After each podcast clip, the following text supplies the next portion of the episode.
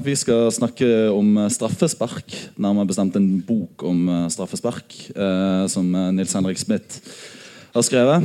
Eh, dere vet jo, dere som er her, sikkert veldig godt hvem han er. Eh, kanskje først og fremst en eh, skjønnlitterær forfatter. Vant Tarjei Vesaas debutantpris for sin debutroman eh, 'Manhattan Skyline'. Eh, har også skrevet veldig mye om fotball for eh, Josimar spesielt. Og nå har han har altså skrevet en bok om straffespark.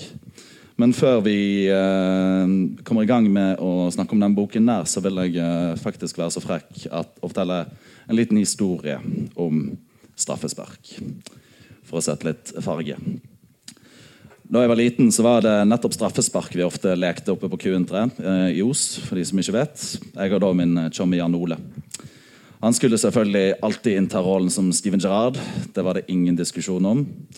Rollen jeg ble tildelt, varierte mellom en pur ung Håkon Oppdal og Ivar Rønningen. Dere kan jo gjette hvem som var mest prestisjefylt å være av de to. Eh, anledningen det var selvfølgelig straffesparkkonkurranse. Champions League-finale. Brann-Liverpool. Aldri noe unntak. Dette barndomsidyllet i vestlandspissregn Vestlands pissregn endrer seg fort til en aldri så liten konflikt etter Liverpools magiske opphenting i Istanbul.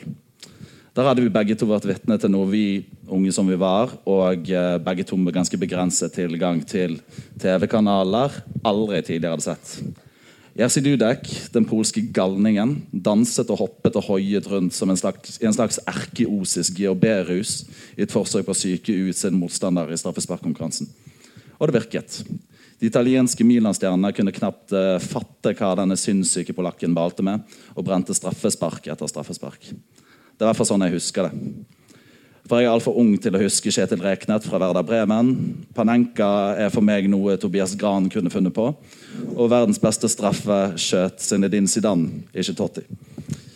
En annen helt- heltedyrkelse som oppstår på dette tidspunktet, var da Håkon Oppdal var midtpunkt i en spinnvill straffesparkkonkurranse mot Bodø-Glimt i cupen 04. Etter en milliard straffer redder han, sånn jeg husker, en Panenka for siden å skåre sjøl. Dette er enhver målmanns dypeste drøm og søteste hevn på disse platte, pjuske og jævlig feige utespillerne. For hvem kan glemme Ricardo som like godt flekket av seg keeperhanskene i et forsøk på å håne og latterliggjøre disse stusslige utespillerne? Keeperen forvandles ofte til et slags djevelsk mordbeist i sånne situasjoner. Fullstendig blottet for angst ved straffesparksmerket.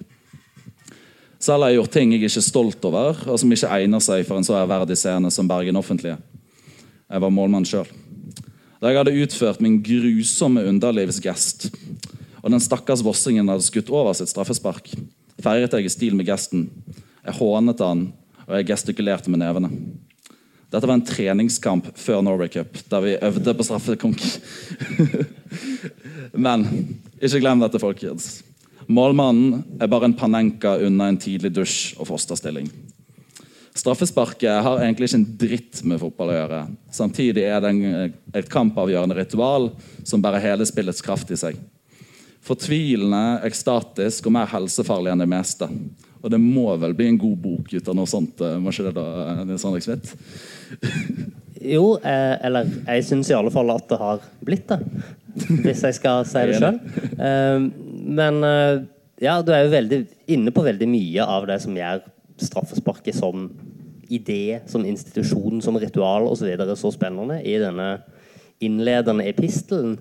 Spesielt akkurat du nevnte det med eh, den spesielle magien som er når keeperen skyter straffe. Og det er jo veldig ofte veldig fascinerende. Du hadde f.eks., eh, som jeg skriver en del om i boka, eh, finalen i eh, Afrikamesterskapet i 2015, der eh, Bobakar Bari, kanskje den dårligste keeperen som noensinne har stått for et seriøst landslag eh, Kanskje har San Marino eller sånn hatt noen dårligere, men Bari Men iallfall, han går da Altså, han redder først straffespark fra sin kollega, deretter skårer han fram og setter den avgjørende straffen. Men det kan også være helt omvendt. Nå på torsdag så var det en virkelig oppsiktsvekkende og dramatisk eh, straffekonkurranse i kvaliken til Europaligaen mellom eh, Milan og portugisiske Rio Ave. Og der Der gjorde keeperne en virkelig sånn altså Først så gjør Gianluigi Donnarumma noe så sjelden som en hårreisende keepertabbe på straffe. Han, liksom, han redder et svakt skudd, men så slår han den inn i mål. Og så, og så tar begge keeperne sensasjonelt dårlige straffer. Noe av det aller verste jeg noensinne har sett fra, fra voksne mennesker. Eh, og, så det, det, er jo fascinerende at altså En av de tingene som gjør straffespark veldig fascinerende for meg, er jo at jeg kan få sånne helt ulike vendinger i tilsynelatende ganske like situasjoner. Ja, det er jo som du er inne på nå en, eh, en slags altså Materialet til boken, eh, historien til boken skriver jo seg kontinuerlig når det gjelder fotball. Så da vil jeg jo spørre deg, altså, Hvordan tenker du at en sånn bok om straffespark Eller før du begynte å skrive, da, hvordan, hva tenkte du hvordan en sånn bok må skrives? Hva form eh, trenger den å ha? Hva savnet du i litteraturen om straffespark? Ja, altså, eh, det er jo skrevet en gans, ganske betydelig faglitteratur og mer sånn analytisk sakprosalitteratur kanskje om, om straffespark fra før. Spesielt eh, de siste, de siste 15-20 årene så har det vært gjort mye sånn analytisk arbeid på straffefeltet. Men, men jeg er først og fremst forfatter. Jeg har bakgrunnen fra, fra skjønnlitteratur. Jeg er historieforteller osv. Så, videre. så det jeg var interessert i, var å finne ut eh, type ting Hvordan har det hvor er opphavet til dette? Hvordan oppsto det? Eh, som, hvordan har det utvikla seg, og hvordan har det fått den posisjonen det har i fotballen i dag? Eh, og så selvfølgelig å, å, skrive ei bok som, som har eh, mange gode historier, altså gode anekdoter som er morsomme å lese. Og det viste seg jo da at det er fryktelig mye av. Altså, straffesparket er Altså jeg, jeg, tenkte helt fra begynnelsen av når forlaget spurte meg om dette, at det kunne bli spennende, men, men arbeidsprosessen med boka har jo fått meg til å innse at både straffesparkets historie og historiene rundt det er mye mer mangfoldig enn jeg var klar over på forhånd. Mm. Jeg tenkte når jeg leste at, denne boken her må ha vært eh, gøy å skrive. Og Du begynner boken med en veldig underholdende gjennomgang av eh, straffesparkets opprinnelse. Kan du ta oss litt igjennom det? For det er ikke så mange som vet, tror jeg. Jeg visste ingenting før jeg begynte på denne boken. her. Altså. Nei, altså det er jo ofte sånn at en har en tendens til å tenke at fotballreglene er sånn som de alltid har vært, og de alltid vil være, men i virkeligheten så er de jo i kontinuerlig utvikling. og eh, Fotballen oppsto jo i ulike former på engelske kostskoler i viktoriatida på 1800-tallet. Og det engelske fotballforbundet ble oppretta, og det første regelverket innført i 19, nei, 1863. Uh, og, men den gangen så var reglene rent deskriptive. De forklarte bare hvordan, spillet skulle utføres. Det fantes ingen idé om at uh, noen aktivt kunne prøve å bryte reglene. Synden var ikke kommet inn i verden, for å, for å si det på den måten. Men så viste det seg jo at eh, selv om disse kostskoleguttene som var de første fotballspillerne, likte å framstille seg sjøl som gentlemen som aldri ville finne på å gjøre noe galt med vilje, så, så var ikke det helt sant. Eh, og særlig etter at profesjonell fotball og ligasystemet ble innført på slutten av 1880-tallet, så, så kom det stadig flere grove regelbrudd som det ikke fantes noen effektiv sanksjon mot, av typen hands på streken eller eh, hårreisende voldshandlinger eh, i, eh, i, målområdet.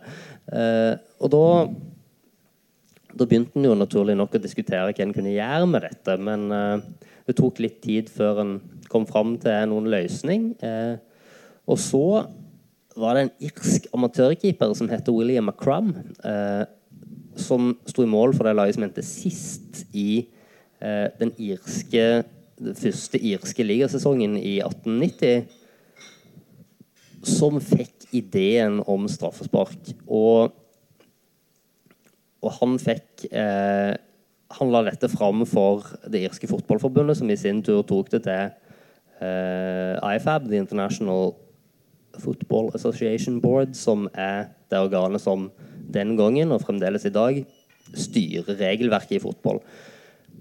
Og innledningsvis så ble denne McCrum møtt med en, sko, en skur av hån og protester fordi eh, han altså, Spillerne, laglederne, administratorene ble alle dødelig fornærma fordi det ble antyda at folk faktisk drev og juksa. Det var en hårreisende ting å si. Eh, McCrum eh, ble altså utsatt for en det vi i dag ville kalle en slags mobbekampanje. Det ble brukt mot han at han var irsk, selvfølgelig. Det ble også påstått at han var en ekshibisjonist som bare var interessert i å eh, plassere seg sjøl og den posisjonen han hadde på laget, i sentrum.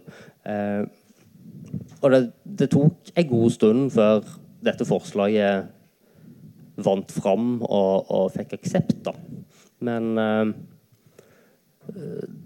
men det skjedde ting, og spesielt en episode i FA-cupen i 1891, hvor vinteren 1891, eh, der Stoke ble frarøva muligheten til omkamp fordi en, en motspiller redder på streken i, i siste spilleminutt med hånda. Eh, det ble sett på som et spesielt alvorlig situasjon, siden det tross alt var selveste FA-cupen, som stadig var en veldig prestisjefylt turnering. og og etter den episoden så begynte stemningen gradvis å snu, og, i, og sommeren 1991 så ble det 1891 eh, så ble det vedtatt å innføre straffespark fra og med neste ligasesong.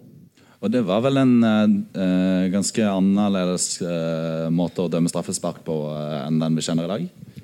Ja, det var mye som var annerledes. F.eks. Eh, straffeområdet, 16-meteren, fantes ikke på det tidspunktet. Den ble først innført ti år seinere. Eh, I stedet så var det ei linje som var trukket eh, tvers over banen, 11 meter fra mål. Og eh, det kunne dømmes straffe hvor som helst mellom den linja og målstreken.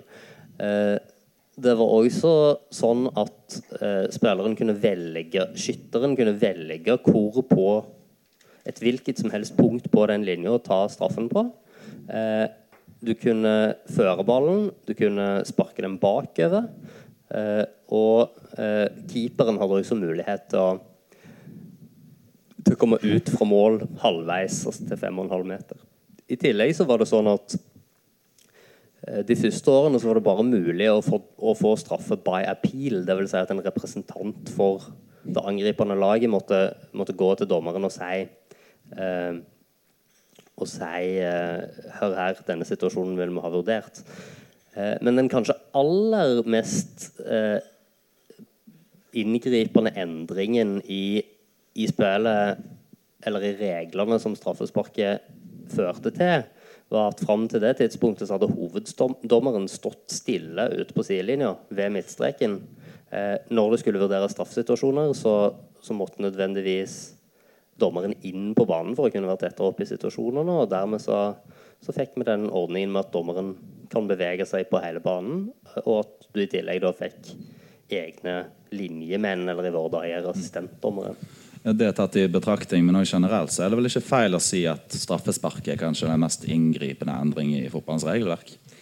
Ja, men ikke den mest. Altså, det er, er, jo et par andre kandidater. altså eh, Endringen i offside-regelen fra at det måtte være tre spillere mellom, mellom deg og mål for at det skulle være offside til to i 1925, er en stor.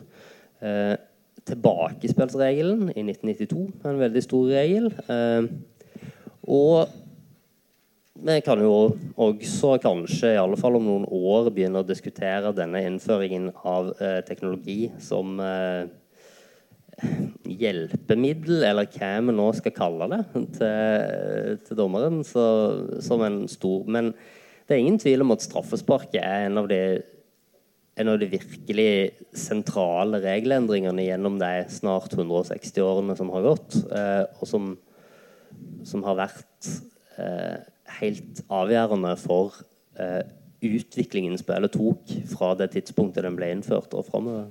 Mm. Men du blant mange som har skrevet om straffespark, må jo reve dere i håret når man skal prøve å legge litt sånn systematikk til det og prøve å se en historisk oversikt. For det finnes jo i fotballen nesten ingen statistikk fram til uh, ganske sent. Nei, uh, det er jo et uh, faktum faktum at fram til 90-tallet og egentlig enda senere i mange land, så, så var statistikk eh, noen ikke brydde seg noe særlig med, og til dels så på eh, med skepsis. Så det ble ført veldig lite. Altså Hvis du vil vite hvor mange straffer det var i, i, eh, i engelske, det engelske ligasystemet i en gitt sesong på 1920-tallet, så kan du bare glemme det. Da må du bruke enormt mye tid på å tråle lokalaviser og jamføre med andre kilder og sånn. Så, eh, så da blir det jo at du gjerne bruker de de kjensgjerningene, de, de, små nuggetsene og funfactene som, som dukker opp, anekdoter, små historier, eh, og prøve å finne ut litt om hvordan dette med straffer kan ha arta seg på bakgrunn av det.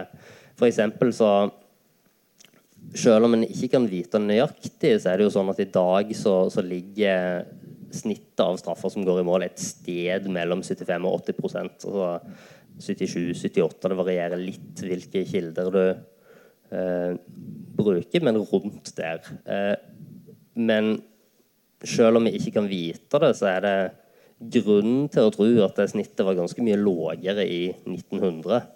Eh, for altså, du kan se på en rekke ulike faktorer som f.eks. Altså, utstyret, altså skoene, eller rettere sagt støvlene de brukte, så ut som en kombinasjon av en Eh, av en eh, vernesko og en eh, beksøm, i alle fall i Europa. ballen var av gjennomgående lavere kvalitet i materialene enn i dag. Sånn at spesielt på regnvåte baner, som, som, jo er vanlig i Storbritannia og ellers i Nord-Europa i vinterhalvåret, så, så ble den fryktelig tung. Eh, banen i seg sjøl var jo også eh, et kapittel for seg. I Norge så fantes det jo lenge omtrent ikke gressbaner. Den første den første cupfinalen som ble spilt på gress i Norge, var f.eks. i 1918. Eh, så alle sånne fakta er at det er rimelig å anta at det var lavere skåringsprosent på straffespark den gangen enn i dag. Kommer ikke fram til mål engang hvis det regner skikkelig. Nei, ikke sant. Ja. Så over det noe veldig likt, men, eh, men òg litt annerledes. For det blir jo av Etter hvert så blir jo eh, straffespark en måte å avgjøre fotballkamper på. Og Vi tar det ofte for gitt, og mange klager over straffesparkkonkurransen er et slags lotteri i dag. Eh, men hva i alle dager balet man med før straffesparkkonkurransen?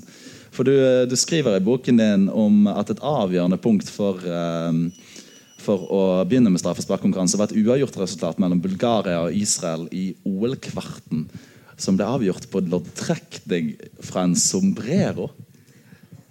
Ja. Eh, OL i 1968. Eh, det gikk jo i Mexico, så da måtte de leve litt opp til de nasjonale stereotypene. Så eh, i den kampen, når det endte uavgjort etter ekstraomganger, så, så ble det trukket lapper fra en sombrero. Kapteinene trakk lapper. Det sto ja på den ene og nei på den andre. Og når Israels kaptein Mordecai Spiegler eh, trekte sin lapp, så sto det altså nei, og dermed var de ute. Og, og der var jo altså loddtrekning eller myntkast var jo vanlig. altså Det ble vanlig på slutten av 50- og utover 60-tallet fordi at det ble et stadig tettere kampprogram med europeiske turneringer, flere cuper osv.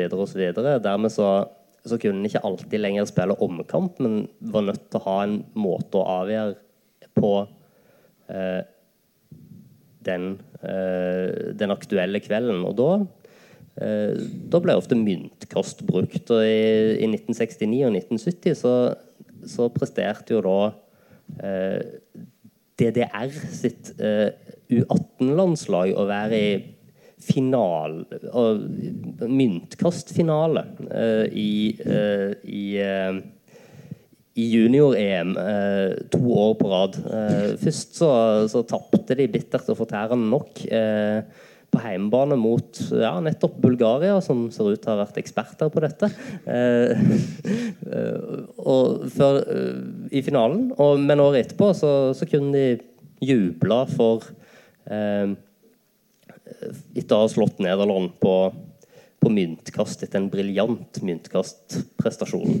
Eh, men eh, så det var altså normen før en innførte straffesparket. Så det er jo det som provoserer litt når folk sier at straffesparket er et, eh, et lotteri. Eh, fordi det som gikk forut for det, var faktisk et lotteri. Og det, altså, Senest forrige uke, etter denne eh, kampen i Carabao Cup, eller hva de kaller det, i, eh, mellom, eh, mellom, Chelsea og Tottenham, så, så sa en Sky Sports-reporter eh, til til Frank Lampard etterpå, når han ble bedt om å forklare nederlaget i straffekonkurransen. Penalties, penalties, are a lottery. Og det, altså, as, as we know. yeah, we know that. Og det, den ene setningen altså Det forklarer jo alt om hvorfor Storbritannia mislykkes som nasjon. Alt som er galt med det fordømte landet, ligger i den ene setningen. For, altså, den bærer undergangen i seg. Altså, når de er så usannsynlig dumme, så kan jo ikke dette gå bra. Men, men det forteller jo en hel del om den, eh, den motviljen mot eh, mot analyse, rasjonalitet. Eh, og faktisk prøve å se på hva det er som eh, hva det er som gjør at noen lag lykkes i straffekonkurranser og andre ikke gjør det. Altså, det, det gjelder ikke bare i England, men, men det, er det mest uttrykt, kanskje. Det...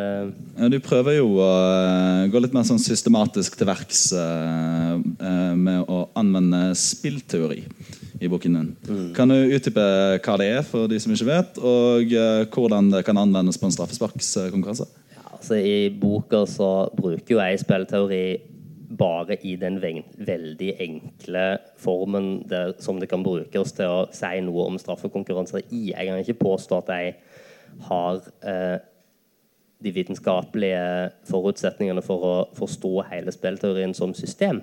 Men veldig enkelt forklart, i denne sammenhengen i alle fall, så er det læren om hvordan aktører handler når de er avhengig av andre aktørers handlinger for å oppnå det ønskede resultatet. Eh, ved straffespark så kan du skyte til høyre eller venstre, eller du kan skyte høyt eller lågt, eller du kan skyte midt i mål.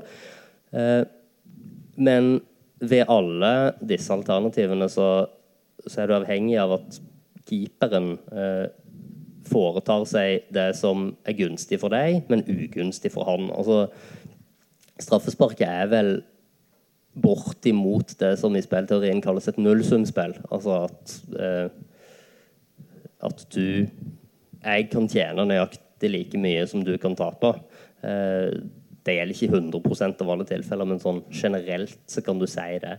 Og der, der, er det jo en del situasjoner, spesielt i straffekonkurranser, hvor det er veldig interessant å, å, å se på hvordan, aktørene handler. Altså, det danner seg jo ofte fort et mønster i, i, straffekonkurransen som ikke alltid er så lett å bryte ut av. og Det, det gjelder kanskje spesielt for skytterne. Altså hvis de føler at keeperen får et tak på dem, så, så, kan det være veldig Og den, eh, den, konkrete straffekonkurransen jeg skriver om der, er jo eh, er finalen i serievinnercupen i 1986, der eh, Stoja, Bucuresti-keeperen eh, Helmut Tukadam redder fire straffer fra Barcelona og sørger for at Stoja vinner den tittelen. Eh, ja.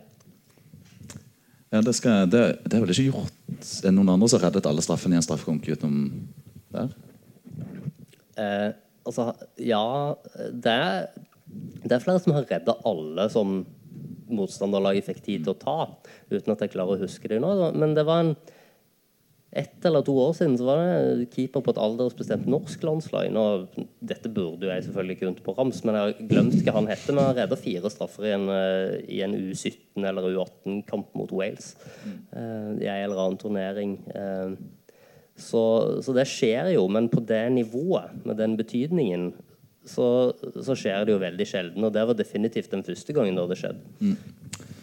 Vi var inne på uh, mislykkede nasjoner. Vi kan alle være enige om at Storbritannia er en ganske mislykket nasjon, men fotballandslaget til England i straffesammenheng er jo òg kjent for å være en mislykket nasjon. Der har man et vedvarende mareritt som først endte i 2018. Uh, eh, kan du fortelle litt om hvor lang de klarte å endre det? Eller kanskje litt sånn sveip? For de fleste kjenner jo til det, men Altså, de aller fleste kjenner vel myten om at England alltid taper straffekonkurranser. Den, den oppsto jo eh, på Wembley i EM 1996, når de tapte mot, eh, mot Tyskland etter at Gareth Southgate hadde bomma. Eh, men det er jo egentlig litt rart, for på det tidspunktet så hadde de vært i, i tre straffekonkurranser og tapt to. Begge tilfeldig eller ikke mot Tyskland, men de hadde jo slått Spania bare noen dager før. Så på det tidspunktet så var det ikke noe som tilsa at England er eh, forbanna i straffekonkurranse. Men så fortsatte det å skje. I 1998, i 2004, i 2006. Eh, og hver gang så, så jeg at de desperat greip etter et eller annet forhold utenfor straffekonkurransen i seg sjøl for å forklare det. Altså, eh, I 98 så ble eh, David Beckham utvist for å ha sparka eh, Diego Simione i 2004 så blir Wayne Rooney skada, og så får de et mål av John Terry litt tvilsomt annullert. I 2006 så klarer Cristiano Ronaldo å terge Rooney sånn at han blir utvist. Det er alltid et eller annet som de kan gripe til utenfor, og som, som, som gjør at de standhaftig har nekta å forholde seg til den, det aspektet som faktisk teller. Hva, hva kan du gjøre for å eh, for å eh, lykkes i straffekonkurranser. Men så, ved en magisk tilfeldighet, så eh, blir Gareth Southgate landslagssjef. Hvis det ikke hadde vært for at Sam Allardyce hadde rota seg bort i noe håpløst tull som jeg allerede for lengst har glemt hva jeg egentlig var, så, så hadde Southgate kanskje aldri fått den jobben. Men eh, han var tilfeldigvis UE21-landslagssjef. Han eh, fikk være vikar. Eh, Altså, ikke helt ulikt uten sammenligning av de to personene for øvrig. Måten Drillo fikk mm. Eh, den norske landslagssjefjobben på i 1990. Eh, men iallfall. Eh, siden eh, Southgate har gått rundt i 20 år og blitt minnet på at han bomma på den straffen på Wembley, så er han selvsagt interessert i å, i å gjøre noe med det. Og da, eh, da Dagen etter at kvaliken var fullført så begynte de jobben med å sette sammen et eget team som bare skulle jobbe med straffekonkurranse. Eh, det teamet var, var, satt sammen i, fra, i tide til trekningen, sånn at fra det øyeblikket så jobba de med det, altså mulige motstandere. Altså. Prøvde å kartlegge så mange aspekter ved dette som, som overhodet mulig. Da. Og da, eh, da prøvde de også den revolusjonerende greia med å trene på straffer. Eh, før så har det gjerne vært sånn at det er mye fokus på om lagene trener på straffer under VM, eller hvilken turnering de nå deltar i. Men å trene under sluttspillet er egentlig litt som å sitte på bussen til eksamenslokalet og lese. Det, det kan være at det gir den ønska effekten, men det innebærer også en god del flaks. Eh, men England trente på det fra det øyeblikket det var klart at de skulle til VM. Eh, under, altså I oppkjøringen til selve sluttspillet så la de straffetreningen til slutten av de hardeste fysiske øktene, sånn at de skulle få en følelse av hvordan det var å skyte straffe når du er trøtt og tung i beina. Eh, og når det da ble straffekonk mot Colombia, så, så hadde de på forhånd eh, lagt en strategi. Southgate spurte ikke etter frivillige skyttere, sånn som var vanlig før, og som du stadig ser en del trenere holde på med. Eh, han fortalte hvem som skulle skyte, i hvilken rekkefølge. Eh, etter at hver colombianske skytter hadde skutt, så gjorde Jordan Pickford et poeng av å få tak i ballen og gi den til den neste engelske skytteren, sånn at ikke de colombianske spillerne skulle sparke den vekk eller noe lignende tull. Og En så jo også at han drev og hoppet opp og tok i tverrliggeren før hver colombianske straffe. Som nok var en bevisst strategi. Altså han Pickford er bare 1,86, ikke så veldig stor til moderne keeper å være. Men han skulle vise at han fremdeles hadde rekkevidden. Men dette, interessant nok, ble forbudt året etterpå. Fifa gjorde en endring i regelverket hvor de, hvor de sa at det ikke er tillatt å røre verken nettet, tverrliggeren eller målstolpene. Skandale. Ja. Eh, men, det er masse sånne, masse sånne små detaljer. Og, og da eh, Spillerne var instruert til å sette ballen eh, altså bestemme seg hvor de skulle skyte på forhånd, og ikke vike fra det. Eh, og det, det fulgte alle, unntatt Jordan Henderson, som bomma. Eh, så Du kan jo lære noe av det. Ja. Det er ikke så veldig Altså, det er ikke så veldig vanskelig, dette, men, men det kan være lurt å forberede seg. og Det, det virker det som stadig flere, Ja. til og med England, nå innser. En jeg er ganske sikker på hadde bestemt seg for et hjørne, det er jo uh, muligens det eneste eksempelet man har på straffespark som blir en nasjonal myte. Sjekk til Rekdal sitt uh, straffespark mot Brasil. Jeg, eh, jeg var jo en liten krabat jeg, i 98, så jeg husker ikke noe annet enn eh, det har blitt gjenfortalt, blitt gjenfortalt at jeg var sur fordi eh, vi skulle hjem fra sankthansbålet for, å se- for å se denne kampen. Eh, men eh, du kan jo kanskje du snakke litt om det straffesparket for eh, en som ikke kunne oppleve det. Det er sikkert flere som ikke har opplevd det. Ja, jeg opplevde det jo nesten ikke sjøl. Selv om jeg, jeg var jo eh, nesten 18 år på dette tidspunktet, men jeg var så nervøs at jeg lå på gulvet i fosterstilling og så jeg ikke på. Så det, jeg har jo også på en måte tilegna meg mye, mye av dette i ettertid. Men det som er interessant, det er jo at eh, Rekdal eh, han var jo fast straffeskytter helt fra han kom inn på, på Drillos i 1991 og pleide å skåre, men han hadde, hadde bomma mot, eh, mot Sveits i, eh, i eh, VM-kvaliken året før. Eh, som vel var den eneste straffen han bomma på for, for Drillos. Der betydde det ikke så mye, for de vant uansett 5-0. Eh, og han hadde også faktisk bomma på sitt forrige straffe for klubblaget, Herta. Mm. men der setter han straffen Det er ikke den beste straffen han har tatt, på langt nær. Taffarell er her, altså? Det, Ja. altså Taffarell hadde hadde han hatt bedre rekkevidde, så hadde han tatt den. Det var liksom Pickford. eh, Ja, altså bedre rekkevidde eller litt bedre reaksjonsevne. Den er jo litt i keeperhøyde, og den, den er ikke sånn veldig hard, men den er, den er god nok, og det har jo ført til eh, kanskje den eh, største sånn sånn myten i norsk idrettshistorie. Da. Altså den, eh, Altså Hvis du sier straffespark til en nordmann, så tenker vel alle på det. Ja, Akkurat det det skal, skal veldig mye til for at det skal være noe annet. Og det, det var jo altså, Det er jo en, nesten en sånn sekulær eh, helligdom. Eh, straffespark og hele mytologien som, som omgir det. Det, det skyldes jo at det, det måte Det var toppunktet i en sånn Jeg kaller det vel en glad nasjonalistisk bølge som skylte over Norge på, på 90-tallet, som, som begynte med Gro Harlem Brundtlands berømte nyttårstale, hvor hun hevder at det var typisk norsk å være god. Går videre til, til Lillehammer-OL, som, som er en sånn gigantisk nasjonal jippo-manifestasjon. At Norge deltar i to fotball-EM, og selvfølgelig parallelt med dette i 1994 eh, stemmer nei til EU. Eh, og selv om jeg ikke kan bevise dette empirisk, så mener jeg at det er helt sikkert og hinsides enhver tvil at hvis ikke Norge hadde hatt OL på Lillehammer år, og hvis de ikke hadde deltatt i USA-VM, så, så hadde det blitt et klart ja-flertall. Um,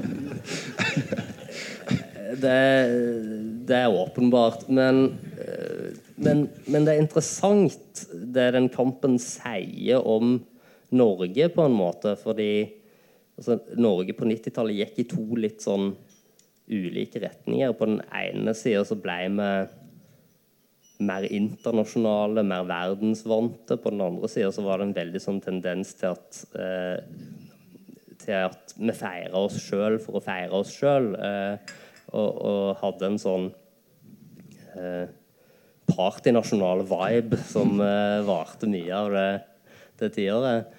Eh, så der, der tror jeg at det, det straffesparket er på en måte essensen av hele norske 90-tallet. Det var der det sluttet, kanskje. Det var der det endte. Ja, på en måte så er det et slags vakuum i noen år der framover før uh... Jeg er født uh, nesten nøyaktig ni måneder etter Lillehammer-OL. eh, bare si det. ja, men du har jo òg med noe jeg syns var litt interessant. Uh, du har med en fiksjonell straffe i boken din. Altså En straffe som har funnet sted, men altså det er jo først når det er på regirommet at det blir satt sammen til en faktisk sånn fotballkampstraffe. Eh, hvor lang i all verden, Hva tenkte du når du skulle skrive om den uh, straffen? egentlig? For det er vel fra heimebane? Uh, Ja, Adrian er, Austnes uh, Denne straffen som Adrian Austnes tar på, på overtid i cupfinalen mellom Varg og Rosenborg. Og den, eh, nei, altså, grunnen til at jeg tok den med, var vel egentlig bare at jeg tenkte at det kunne være gøy å ha den med. Og, så, og, så, siden jeg har bakgrunn eh, som fiksjonsforfatter, så vil, kunne det være interessant å ha med et fiktivt eksempel. Fiksjon om fotball, enten det er litteratur eller film eller TV-serie, eller hva det skulle være, har generelt et veldig dårlig rykte. Eh, men i heimbane så syns jeg at det er mye som fungerer. og den situasjonen der det straffesparket blir brukt, så hele dramaturgien rundt det, er, er veldig effektfullt. For det, det er jo en lang forhistorie der med at sesongen i forveien så eh, når de spiller ei straffekonk mot Vålerenga i cupen, så, så tar Austnes Han stjeler et uh, straffespark fra en lagkamerat. Han går fram selv om han eksplisitt har fått beskjed av sin trener uh, Helena Mikkelsen om ikke å skyte. Uh, tar det og skårer på Panenka. Og så gjentar jo dette seg i cup- cupfinalen, der han har forlatt Varg til fordel for Rosenborg etter en konflikt med Helena, og så, og så stjeler han dette eh, straffesparket fra sin eh, italienske lagkamerat Colini. Og da, da vet jo alle hvordan det må gå. da. Altså, det er mange sånn overdrevne myter om æreskodeks mellom fotballspillere, sånn som i en god del tilfeller kan, kan være eh, i beste fall overdrevet og i, i verste fall rent vås. Men innenfor den fiksjonen så gjelder den kodeksen om at det å, stjele straffespark fra en lagkamerat er noe du bare ikke gjør. Og hvis du likevel gjør det, så vil det få konsekvenser. Og da det ender jo selvfølgelig med at eh, med at Austnes bommer fordi han har satt seg sjøl og sitt personlige behov for hevn over Helena over lagets interesser. Eh, og eh, det, det ender jo på veldig melodramatisk og sentimentalt vis med at, eh, med at eh, Varg kontrer og setter inn vinnermålet på, på overtid av overtida. Eh, men i den situasjonen, som fiksjon, så funker det. Og det, det var grunnen til at jeg tenkte at det kunne være verdt å ha med den situasjonen i Ja, jeg synes Det, så, det sier noe interessant om, at, om det som ofte blir Kanskje grunnen til at Adrian Austnes stjeler en bane. Sånn, muligheten til å bli helt. For det er jo et aspekt med heltedyrkelse. At den med straffesparket enten eh, blir du syndebukk, eller så blir du helt. Og det er det Ja. Er det, er det pga. risikofaktoren at det er sånn? At det, det er liksom eh, ja, da, Du ser jo stadig i større grad nå altså spillere er villige til å stjele ballen fra sine lagkamerater eh, hele tiden. Bare for å kunne ta dette straffesparket. Og du, du har jo mange sånne aspekter ved det. Altså, I straffekonkurranser så har du jo f.eks. sett en del situasjoner hvor eh, store stjernespillere har insistert på at de skal være femtemann. Uh, ikke skyte først, men være nummer fem. Og det, det kan jo lett oppfattes som et behov for å være for å være helten. da, Du skårer vinnermålet. Et eh, ganske berømt eksempel der er jo Cristiano Ronaldo, eh, ikke verdens mest beskjedne mann, eh, som eh, som insisterer på Selv om han er fast straffeskytter på Portugal, så insisterer han på å være femtemann i kvartfinalen mot Spania i EM 2012. Eh, og der ble jo det ganske gjennomgående forklart med hans påstått gigantiske ego osv. Samtidig så er det et faktum at bare noen uker før så hadde han vært førstemann i eh, i Champions League-semifinalen mellom Real Madrid og Bayern München. Og da hadde han bomma. Så han kan jo også ha hatt rasjonelle grunner til å ikke ønske å skyte først i akkurat den straffekonken. Det, det vet vi ikke. Kanskje var det bare egoet hans. Kanskje er det flere momenter som, som spiller inn. Ja, kan det ha litt med å gjøre at uh, hvem som helst kan lykkes? Altså eh, i bli helten på, i en straffesparksituasjon? Altså, både meg og deg kunne jo teknisk sett avgjort en VM-finale hadde det vært et straffespark. Vi hadde Ja. sjanse til det, i hvert fall. Ja, vi hadde jo det. Det, det er jo litt sånn altså, Hvem som helst kan bli syndebukken, og hvem som helst kan bli helten. Og den, så, den som har klart størst sjanse til å bli helt, er selvfølgelig keeper. Fordi eh, siden de fleste straffer går i mål, så er det ikke i utgangspunktet forventa at keeperen skal redde. Eh, og når du snakker med folk som er eller har vært keepere på profesjonelt nivå, så sier de jo stort sett bare at de de gleder seg hver gang over straffespark, for de hadde ingenting å tape på det. Men så, så får du jo også sånne litt absurde situasjoner som fotballen har mye av, som at Altså, det er VM i Russland. Eh, Argentina spiller åpningskamp. Alle forventer at de skal vinne. Eh, Messi går fram for å, ta, for å ta straffe mot ekskeeperen til Sandnes Ulf og Brann. Han har én eller to kamper for Brann, tror jeg. Ja. Eh, men først og fremst ekskeeperen til Sandnes Ulf. En fyr som er mest kjent for å lage, eh, lage musikkvideoer for islandske Eurovision-artister. Eh, men i den situasjonen så er det Messi som er taperen, og Hannes Haldorsson som er vinneren. Så det eh, Alt kan skje. Ja. Eh, Boken består jo av ja, sjokkerende nok veldig mange historiske straffespark. Eh, Jeg vet at du har svart tidligere i dag eh, når du snakker med Kjetil på hva som er ditt favorittstraffespark. Eh, og det må du gjerne gjenta før du svarer på mitt spørsmål. Men jeg lurer på hva er ditt minst favorittstraffespark? Hva er det verste straffesparket du har sett? For du skriver i boken at når du som barn så ble du fra deg når du så Koman ikke dryler han i gjødma, men plasserer han rolig. Ja, eh, den gangen ble jeg skikkelig skuffa over at en fyr jeg visste at kunne skyte så hardt, valgte å ikke skyte hardt. Eh, det kan ha hatt noe med mine egne manglende evner til å, til å skyte hardt å gjøre. Sånn at jeg følte det som en provokasjon når de som kunne, ikke gjorde det. Men, eh, men når jeg skal velge mitt mest forhatte straffespark, så tror jeg nok at jeg går for et der indignasjonen min ikke er estetisk, men moralsk. Og da eh, skal vi tilbake til VM i 2010 eh, i Sør-Afrika. Og da er det vel neppe noen spesiell overraskelse for noen at jeg har valgt meg Altså Moa Gian sitt katastrofalt mislykka straffespark i siste sekund av andre ekstraomgang eh, i kvartfinalen mellom Ghana og Uruguay, etter at en viss eh, Luis Suárez har handsa på målstreken og blitt utvist. Og det, det, altså det, det kan være andre straffespark jeg sånn rent prinsipielt eh, burde være mer fortørna over, men jeg det har aldri vært noe hvor jeg var så sur der og da. Eh, egentlig så har jeg et nøytralt forhold til Suárez og er ganske begeistra for Uruguay, men akkurat i den kampen heide jeg tilfeldigvis på Ghana, og det var et sånt et veldig eklatant eksempel på juks. Altså Den typen ting som straffesparket opprinnelig ble innført for på 1890-tallet, som du nesten aldri ser lenger, iallfall ikke i profesjonell fotball. Han, bare, han tar den med hånda. Dette er Dominic Adia, som ett år tidligere hadde satt på benken i Fredrikstad. Eh, som header mot mål mot slutten av ekstraomgangen og er i ferd med å avgjøre for Ghana.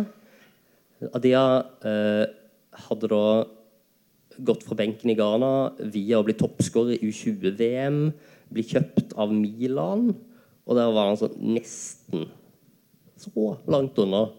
Og, og senere Ghana til semifinalen, og så, og så kommer denne uruguayaneren. og da men Asamoah Gyan var jo kaptein. Han hadde rutine. Han skulle ha avgjort dette. Men så blir det en sånn katastrofestraff, og, og selv om du Selv om du vet at det formelt sett startes på, på likt i straffekonkurransen, og selv om Gyan faktisk kårer på sin straffe noen minutter etter å ha bomma, så vet du hvordan dette går. Ja, men det var et eller annet med det. sant? Første kom... mesterskapet på afrikanske kontinent. Ja, der- skulle bære nasjonen. Det, det Ja, altså eh, men så, så, går det jo sånn som det går. da Sebastian Abreu eh, skårer på Panenka, og, og, og Uruguay går videre. Og All ære til deg for det, men der og da var jeg vanvittig ekstremt sur. Og den følelsen sitter fremdeles i mer enn ti år etterpå. Jeg tror jeg faktisk gjør til de fleste som så den kampen. Altså. Men eh, hva var favoritten, da? Jeg var ikke på landa, sier jeg. Eh, ja, nei, der Paradoksalt nok så har jeg vel svart et, uh, en straffe som jeg ikke egentlig liker utfallet av. Eh, nemlig den straffesituasjonen som åpner boka, Roberto Baggio mot Brasil i VM-finalen i 94. og den er jo ikke min, min favoritt i den altså, Baggio var jo helten min, favorittspilleren min, og jeg, jeg ville jo absolutt at han skulle skåre, men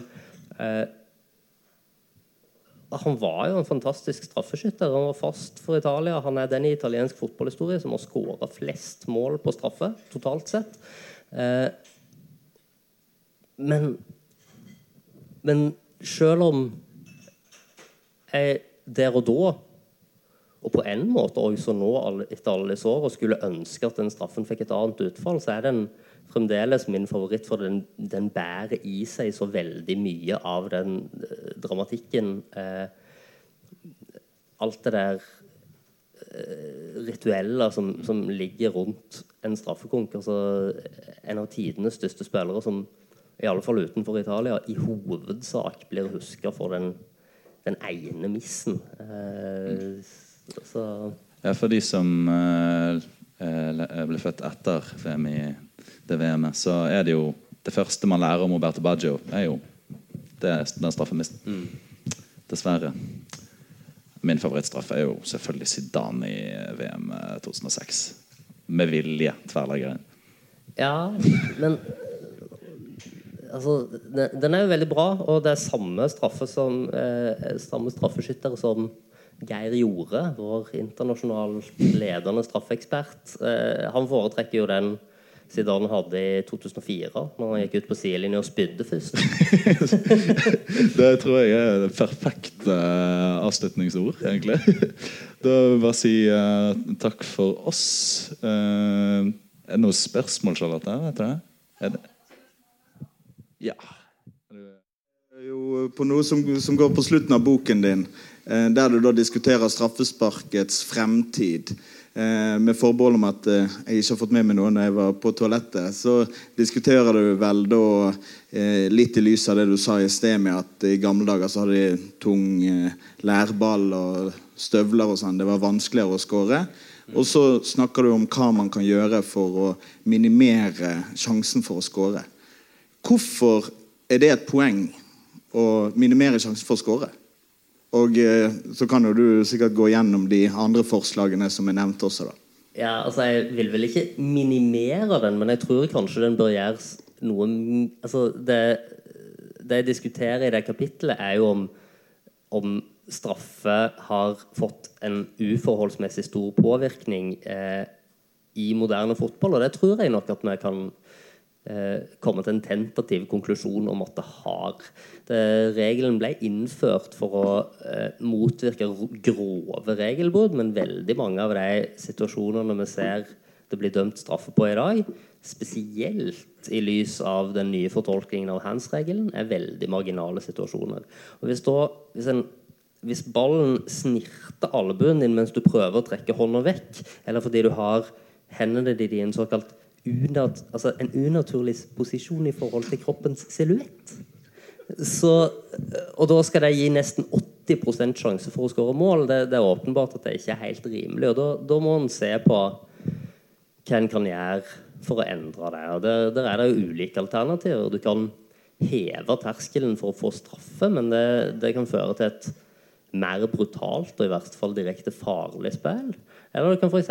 gjøre noe så enkelt som å flytte straffeverket lenger vekk fra mål. Det, det finnes sikkert flere alternativer det går an å diskutere, men jeg tror at eh, i lys av moderne regelfortolkninger i kombinasjon med eh, bruken av teknologi eh, for å avgjøre disse situasjonene, så er en nødt til å se på om, om det er rimelig at de situasjonene som ofte fører til, til straffe, bør gi en så stor målsjanse som straffe er. Og jeg har vel egentlig konkludert med at det bør det ikke.